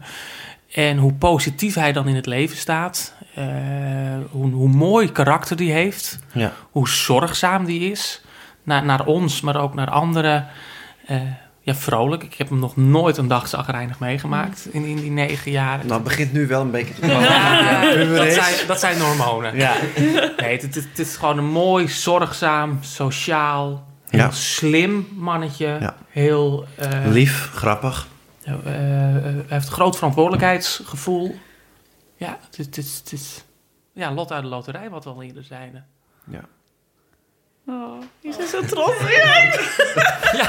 Nou ja, het is ook jammer, want hij wilde in eerste instantie ook even kennis maken met Ja. jullie. Maar ja, toen kwam jij binnen en ik weet niet wat je hebt gedaan, maar daarna ging je naar boven.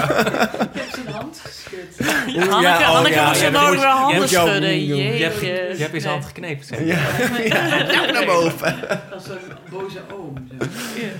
Nee, ik merk ook wel dat je, eh, eh, zoals nu, eh, kijk, hij begint nu, hij, hij was best wel zenuwachtig ook dat jullie zouden komen. En dat vond hij dan ook wel heel spannend.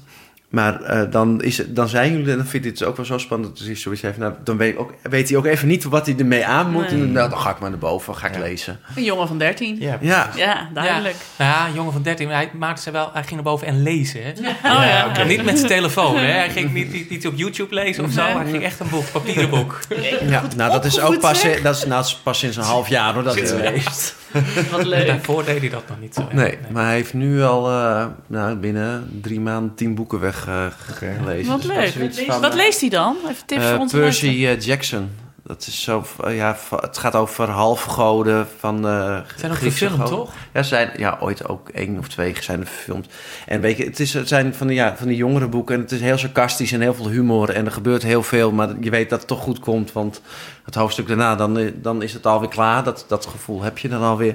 Maar hij vindt het gewoon leuk. Ja, het zijn echt onwijs simpele, nou simpele, nou, Oh, zo- het zijn pillen van een zijn paar honderd ja, nee, het zijn geen simpele, maar het is gewoon een leuk verhaal. Ik heb ze namelijk zelf ook gelezen, omdat ik dan denk van ja, voor mijn werk. Maar welke Eh, titels zijn het allemaal? Nou, Percy Jackson en de Bliksemdief. Ja, maar hij is nu toch met anderen bezig? Ja, de Helden van Olympus, dat is deel 2. Dus Oh, ja. Je hebt twee, eerst een, reeks van vijf en dan heb je weer nog een reeks van vijf. leuk. Ja. Wat goed.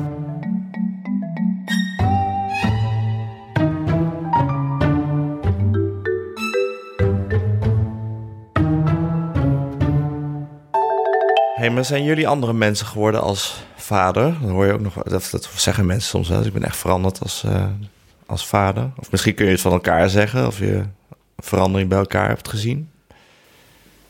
Zo. Nou ja, burgerlijker misschien. Ja. Ja. Ja, een burgerlijke. Iedere ouder. Ja. Allemaal, ja. Alex, ben jij veranderd sinds je vader bent? Ja, ik, toen ik het bedacht om te vragen, dacht ik... ja, maar je weet nooit hoe je zou zijn geweest zonder kinderen... en ook gewoon ouder. Ja. je verandert omdat je ouder wordt natuurlijk ook. Maar Dat, dat ook- zorgen, dat zorgende is misschien wel wat je niet achter je had, zelf had gezocht of zo. Of dat in ieder geval, wat je ook zegt, dat, eh Ja, dat eh, angstig kunnen worden als er iets gebeurt. Of, eh, Ja. Ja, ik moet, ik, inderdaad, dat, dat zorgelijke is er misschien wel wat meer ingekomen. En meer eh, gestructureerder toch ook wel. Weet je, tuurlijk, Ja. je werkt en, je, en, en je, je doet je ding, maar je wil ook wel weer dat, eh, zeker in het begin, dat ze op tijd naar bed gaan. Dus je moet zorgen dat je eten op tijd Ja, op tafel staat. Dus je gaat vanuit je werk en je hebt je boodschappen al gedaan. En je zorgt ervoor dat, stel dat je iets anders, iets moeilijkers gaat eten, dat het voorwerk al gedaan is. Dus je bent meer aan het plannen en structureren. Ja, Dat merk ik wel. Het, dat je daar echt wel rekening mee moet houden. Ja en, en, en je denkt wat meer na over, eh, ja, ik wil niet zeggen de toekomst, ik weet even niet hoe ik het uit moet leggen, maar meer, eh, je weet dat er namelijk iemand afhankelijk van je is. Dus je, niet dat ik nou een ontzettende durfal was, dat ik ging bungee jumpen en zo en parachute springen, maar toch denk je daar wel meer dingen over, meer over na. Omdat er gewoon, ja, nog eens iemand zit thuis die afhankelijk van je is. Daar ben ik wel in veranderd. Ja. Ja, ja en het let op dat ik veel meer op andere ouders let in een. En normaal weet je, viel het me allemaal niet zo op. En nu ja, let ik daar toch wel wat meer op hoe anderen doen of reageren. Ja, en dat is ook heerlijk om over te praten, natuurlijk, met elkaar. Over Ja, hoe ook anderen dat- het doen. Ja. hele podcast. Onze hele podcast gaat. Nee, maar weet je, je komt ook op plekken waar je eigenlijk nooit dacht dat je daar zou komen. Op het, op het, eh, het aangelegde strandje van Herengewaard met de waterpomp. In plaats van het strand aan Bergen aan Zee, maar aan de Mojito, weet je. Ik, ik noem hem even. Dat zijn wel de dingen dat ik denk, De ja... Oh ja, hel. Nee, dat, speelhal. Oh ja. Ja. Maar volgens mij is dat ook met het ouderschap. Toen ik hierheen reed, moest ik mijn dochter bij, de, bij mijn schoonouders afdroppen. Maar ik moest haar ophalen bij het kinderdagverblijf. En toen naar mijn schoonouders rijden. En het was druk op de weg en we waren een beetje aan het haasten. En ondertussen deed zij een paraplu open in de auto. achterin. Ze is 2,5. En ging daarna meteen huilen omdat haar elastiekjes in haar haar niet goed zaten. Oh jee. En toen zat ik zo, wat zo, scheldend zo achter het stuur. En doe die paraplu. En ik had, weet je wel, toen, toen stopte ik de auto om die paraplu dicht te doen. Toen dacht ik, wat ben ik nou, waar ben ik beland? Dat je zo scheldt met een kind met Hoe een dan? paraplu. Hoe, ja, precies. Ja. Hoe ben je van die... En dat, was de, en dat is dus in diezelfde periode dat ze dus de, de lippen af heeft proberen te knippen. eh, De lippen af proberen te knippen. nee, ze, ze had de schaar zo aan de lippen. En toen deed ze... Ma- Mama, mag ik knippen? En zo, mijn man en ik allemaal tegelijk... Nee! Weet je wel? Ja, ze had er nog wel Overigens een... in dezelfde week dat mijn dochter haar eigen pony heeft geknipt. Heb je nu een paard thuis?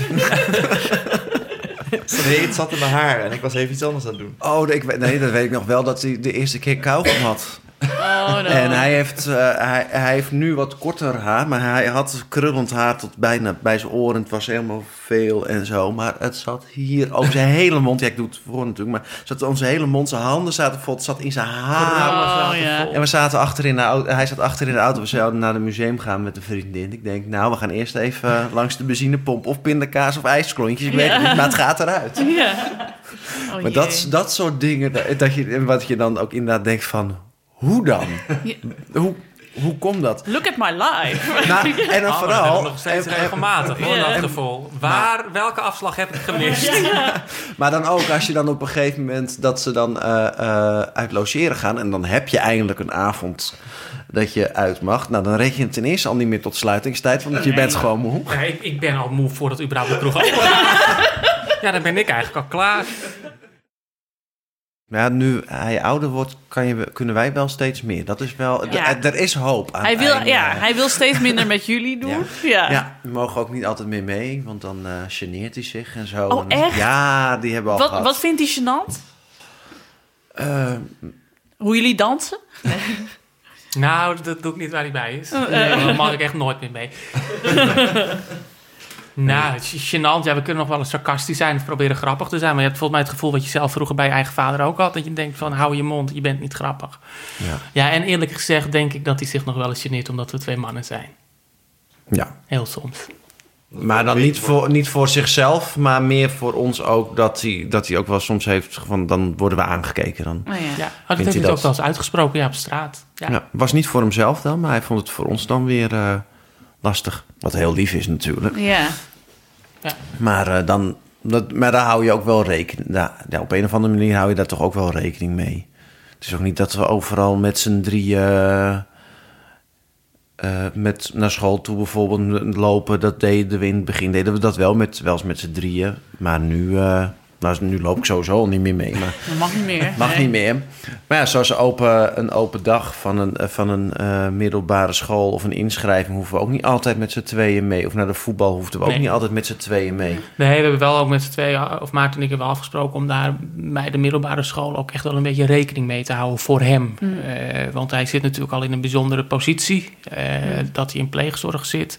Ja, en, en laten we dan alsjeblieft niet als twee gillende nichten, niet dat we dat nou zou zijn, maar bij Ja. Al die activiteiten op, dat, ja, op school maar aanwezig zijn. Weet je, één van de twee is ook voldoende. Wat zouden, wat zouden de tips zijn die jullie... eh, stel dat er nu ouders luisteren die ook nadenken over pleegzorg. Wat zijn dan de tips die jullie kunnen geven? Eh, ja, het klinkt, ja. Ja, begin jij, begin ik met de baslijn. Eh, ik klap het bord maar even open. Ik zit. ja. Ik neem nog een Ja, paar nee, zijtjes. ja. Ik denk eerst, ja, denk wel goed. nou, Het is, niet- het is niet dat je inderdaad dat je een pakje boter haalt. Of, maar dat sowieso met een kind opvoeden ook, ook niet zo. Maar wij hebben, ons, wij hebben rekening gehouden met het worst case scenario, om het zo maar te zeggen.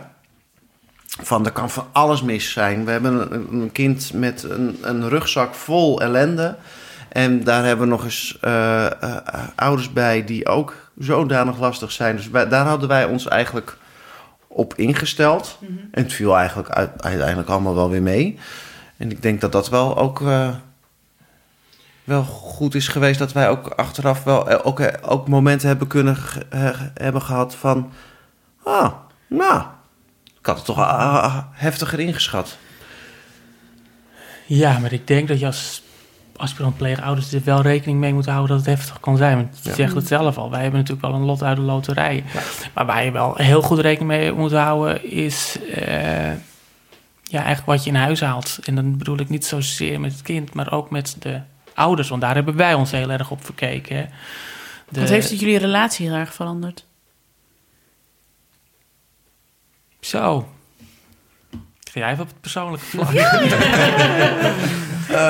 Mm, eh, Ja en nee, weet je, je, je hebt wel momenten dat je de, dat je wel die je hebt wel de gesprekken over. Ik denk dat het onze relatie sterk- sterker maakt, omdat wij eh, meer als één, ja, dit klinkt even negatief, als één front moeten staan als, eh, als, ja, als jullie, ouders zijnde. Eh, kijk, jullie moeten natuurlijk gewoon ja, dezelfde regels hebben, allebei naar jullie kinderen toe. Maar wij hebben ook nog eens te maken met de ouders waar wij. eh, ja, een, ja, front klinkt zo raar. Ik weet even niet het, het, het- een positieve woord, maar eh, Een Nee. eenheid. een eenheid. Ja, Ja, ja. weet je, er, er zijn toch situaties waar je in terechtkomt. En daar praat je heel veel over. Nou, dat komt ook omdat je. eh, Wij hebben ook wel meerdere wisselingen gehad met eh, voogden en pleegzorgwerkers. En elke keer als bijvoorbeeld een nieuwe voogd of pleegzorgwerker kwam, dan werd het hele dossier weer van voor naar achter gespit. En we kwamen weer met een nieuwe omgangsregeling, een bezoekregeling. Of zullen we dit, dit gaan proberen? Ja, dat hebben we toen en toen al geprobeerd. Dus daar moet je op een gegeven moment ook gewoon heel sterk in staan van... nee, dit hebben we geprobeerd, dit zijn de afspraken en hier blijven we bij. Want anders blijf je eh, bezig met het veranderen van één keer in de zes weken... naar één keer in de vier weken, één keer in de acht weken. Het. Je blijft ook bezig. Dat maakte ons wel...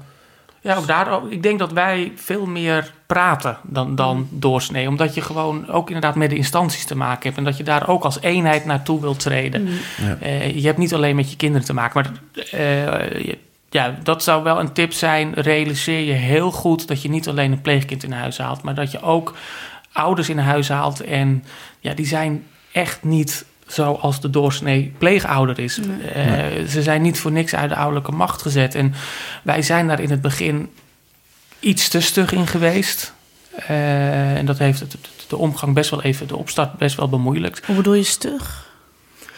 Nou Ja, wij eh, accepteren bepaalde gedragingen niet van ouders. Eh, weet je wel, bijvoorbeeld eh, Roberts vader had heel erg de behoefte om cadeaus mee te nemen. En dat ging van een heel klein iets tot uiteindelijk een hele groot, nou niet overdreven, ik denk een bestuurbare auto van een halve meter.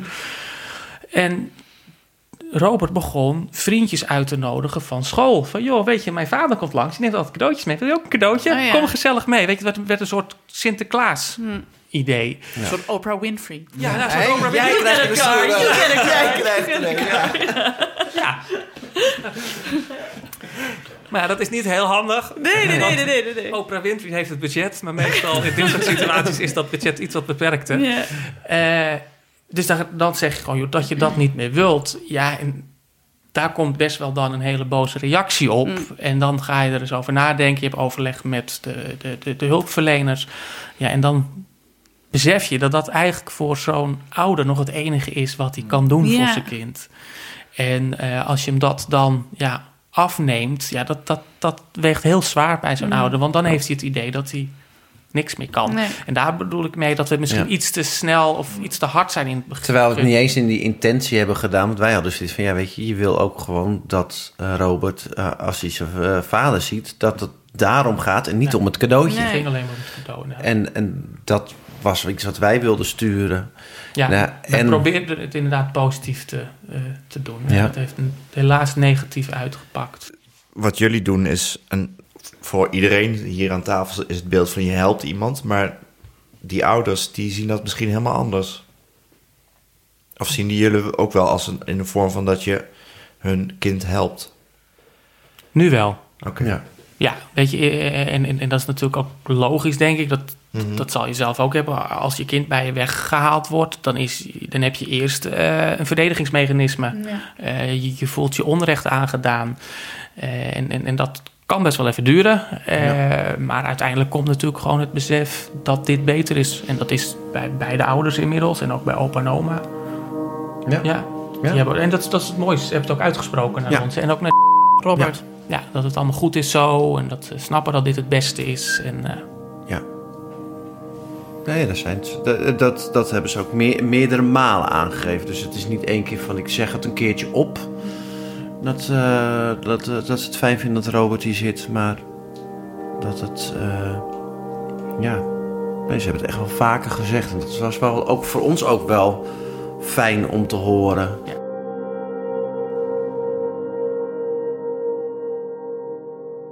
En waar je rekening mee moet houden is als je eh, gewoon voor de alledaagse dingen, zoals een paspoort, bankpas, vakanties, dat je altijd, eh, wij, bij ons is de, eh, ligt de voogdij bij bureau jeugdzorg, dus dat moet allemaal eh, op een hele andere manier aangevraagd worden.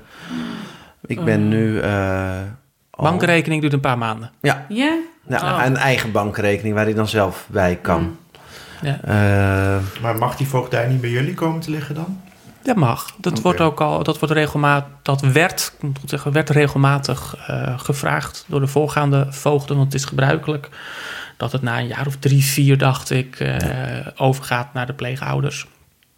Alleen eh, wij wilden dat niet.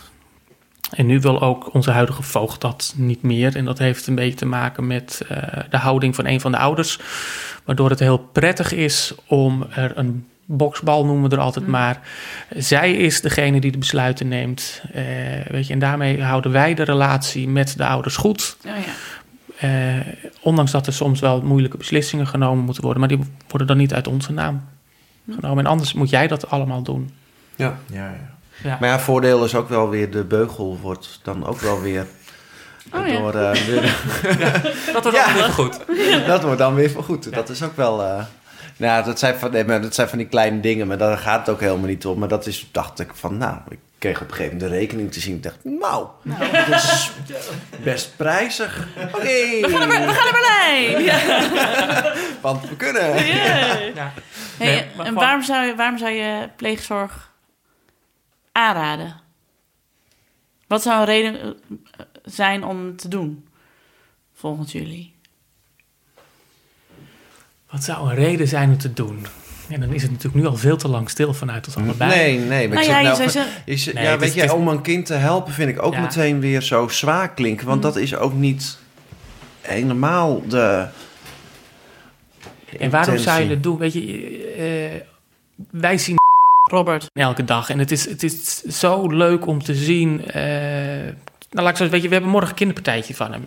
Er, komen eh, negen vriendjes. Eh, het, het, het is allemaal normaal. Weet je, hij doet alles wat een ander kind ook heeft. Ook al heeft hij een rotstart eh, gekregen. Maar hij heeft nu gewoon een mooi leven. Een, een leven wat hoort als kind zijnde. Weet je, dat je niet voor je ouders hoeft te zorgen. Of dat je niet in de stress hoeft te zitten. Of je wel of geen eten krijgt. Of omdat je ouders je mishandelen, wat dan ook. Dat is overigens bij Robert niet gebeurd hoor. Maar heeft gewoon een zorgeloos leven. En ik denk dat dat de belangrijkste, Nou, misschien een van is de dat belangrijke ja, redenen is. Een kind Dat je- een zorgeloos leven. Ja. Of in ieder geval. En dan, ja, daar een zorgeloos leven geven. Kijk, ik ga morgen met tien pupers naar de bioscoop. Ik ga mijn hart nog even vast. Ik blijf thuis. Ja.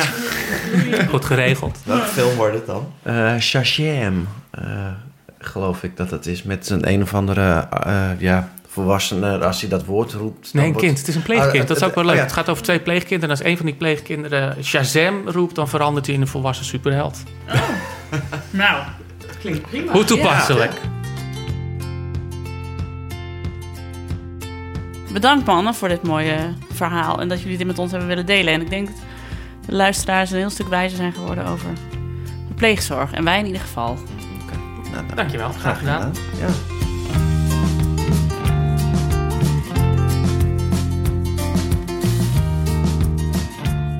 Dat was het verhaal van Sander, Maarten en hun zoon Robert. Een gezin dat heel speciaal begon, maar dat inmiddels een heel normaal gezin is geworden. Twee lieve zorgzame papa's en een zoon die, ondanks zijn ingewikkelde start, is uitgegroeid tot een vrolijke sociale prepuber. Het verhaal dat ze ons vertelden is een realistisch relaas.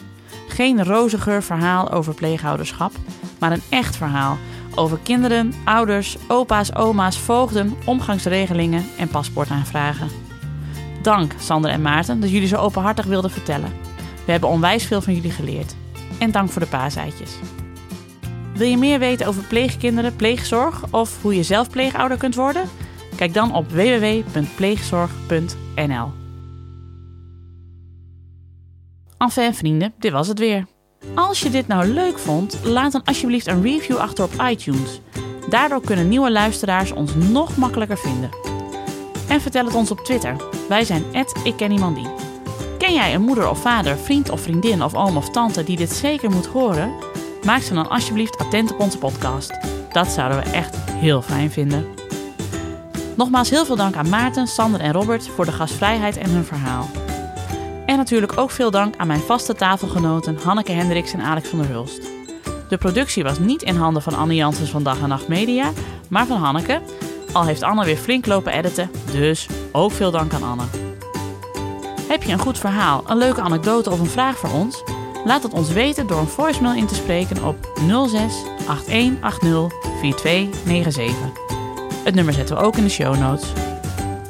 Mailen mag ook. Wij zijn ik@dagenacht.nl.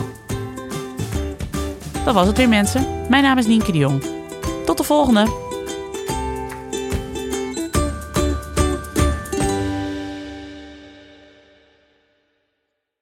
Nog even over die grootse en epische muziektheatervoorstelling. Het achtste leven voor Brilka is een marathonvoorstelling van 5 uur. Koop je tickets voor deze bijzondere theateravond via oostpol.nl.